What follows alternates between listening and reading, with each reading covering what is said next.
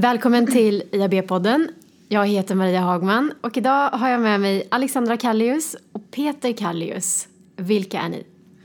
Jo, som sagt, jag heter Alexandra Kallius och jag är ordförande i IABs eh, kommitté som heter Annonsvänligt Sverige. Jag har också jobbat på mediebyrå med digital media i över tio år.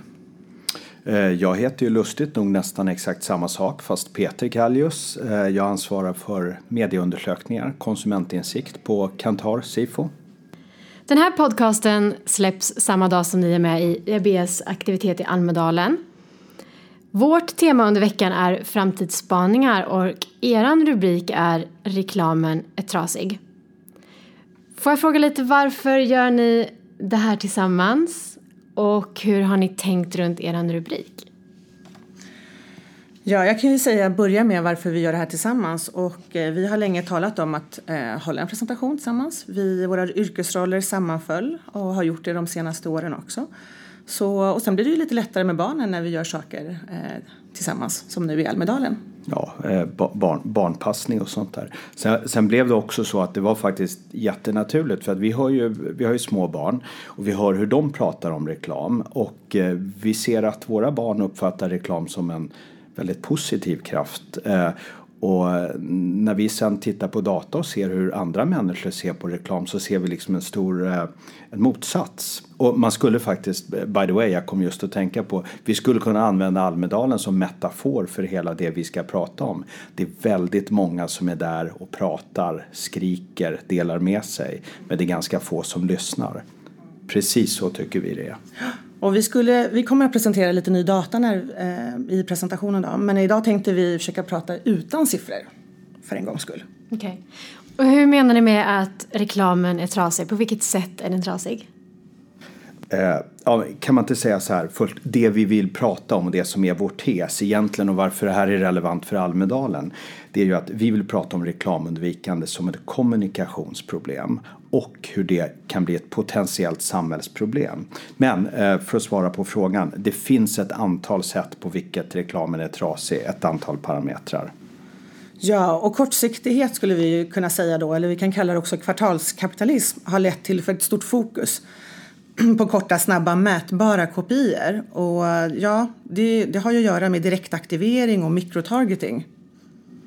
Så, så allt, allt man kan mäta behöver man inte mäta. Eh, Definitivt. Man ska mäta det som är viktigt.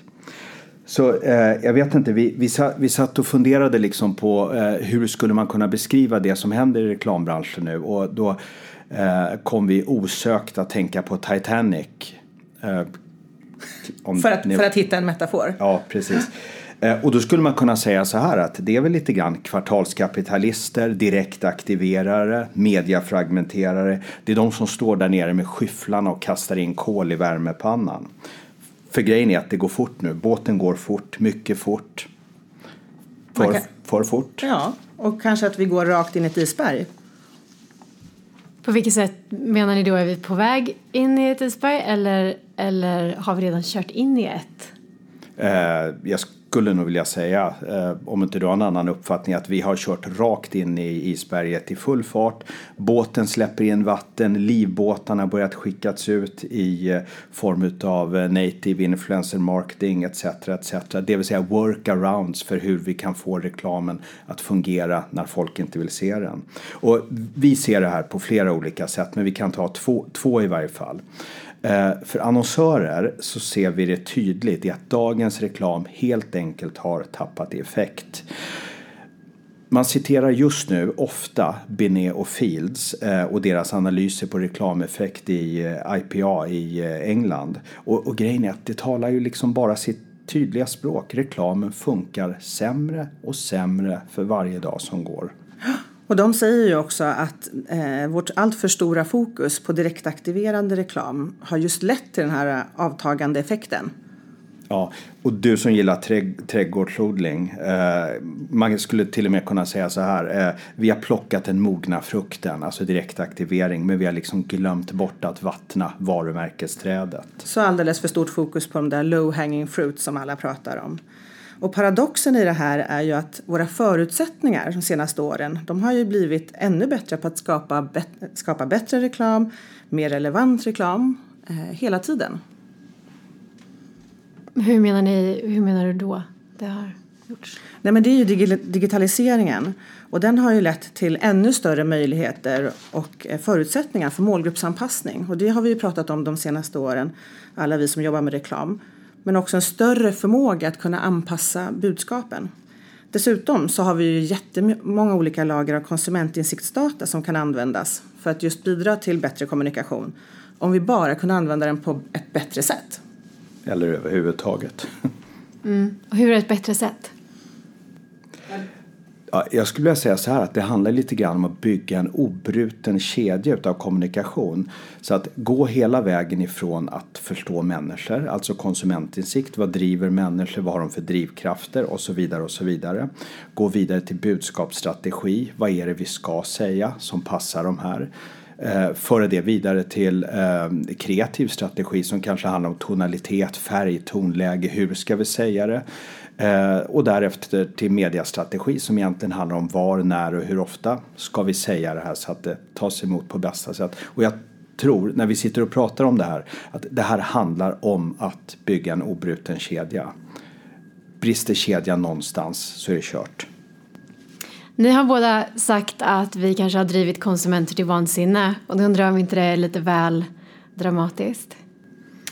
Eh, nej, men alltså det tror jag inte. För att eh, den andra, den, liksom den andra, jag inser just att vi glömde den andra punkten, vi är inte så bra på siffror.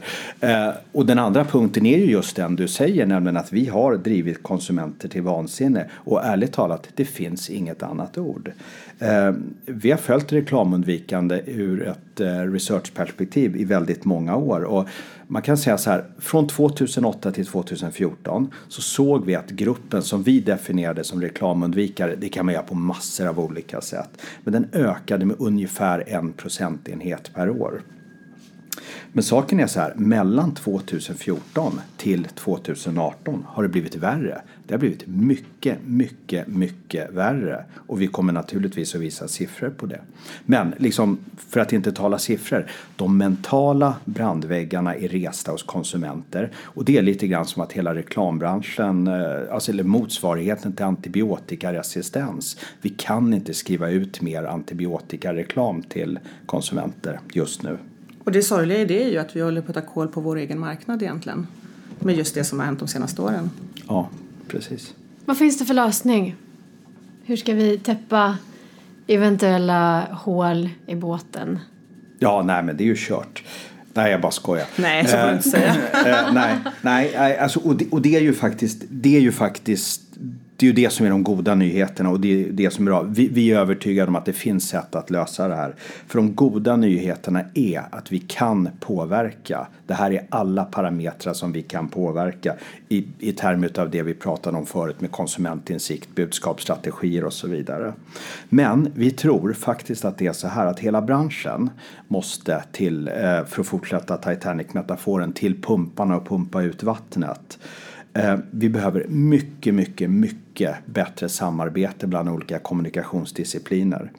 Eh, hela kören måste sjunga i samma tonart. Eh, sen tror vi också att kommunikationsfrågor är, om, ursäkta om jag säger det, men är för viktiga för att sköta av marknadschefer bara. De måste upp i ledningsfrågan. Det här är gigantiska investeringar som vi måste se otroligt mycket mer långsiktigt på. Så iväg med det kortsiktiga tänkandet. Och saken är så här, i, i vår vardag, vi, vi träffar ju liksom smarta människor varje dag på Sveriges annonsörer, hos medier, hos annonsörer och så vidare. Alla fattar det här, på mediebyråer etc. Alla fattar det här, men vi måste göra något åt det precis nu. Och det är ju här där Annonsvänligt Sverige kommer in i bilden vår uppgift är att just att skapa de här annonsmiljöerna som bidrar till en positiv medieupplevelse istället för den här negativa som många stör sig på. Och en del av, en del av det vi har gjort då, det är att jobba med riktlinjer för publicister kring vilka annonsformat som användarna upplever som de mest störande och försöka ta bort dem. Och det kan vara till exempel att det är för tunga annonser, att det är störande annonser som lägger sig ovanpå det innehåll man vill läsa, man kan inte stänga ner det utan man måste vänta de här tio sekunderna innan de försvinner. Och det kan te sig som, som små förändringar men som ändå kan skapa en mycket mer positiv upplevelse. Och i grund och botten så handlar det här om att vi vill värna om människorna, om användarna, konsumenterna. För att vad vi har gjort nu och vad vi har gjort de senaste åren är att drivit dem till vansinne. För att vi stör dem hela tiden istället för att vi förbättrar medieupplevelsen. Och om vi inte kan lyfta fram den här positiva kraften som vi verkligen tror på inom reklamen så ja, då får vi väl hitta på någonting annat istället. Jag vet inte, Peter. Bli ja. biodlare kanske? Peter. Uh, ja, biodlare, biodlare kanske, Alexandra. Nej men alltså grejen är att det handlar ju om att vad vi vill visa, vad som är viktigt, det är att det här handlar om att, info, att reklamen kan informera och underhålla istället, istället för att störa. Och det är det vi tänkte prata om i Almedalen. Och Peter och Alexandra är ju först ut i, eh, på IABs Almedalsvecka så jag tycker ni sätter tonen väldigt, väldigt bra för följande dagar. Tack Maria. Tack så mycket för att ni ville vara med i IAB-podden. Mm. Tack så mycket. Tack, och tack till dig som har lyssnat. Du hittar mer om IAB Sverige, våra handböcker, våra taskforce, seminarier och mycket mer på iabsverige.se.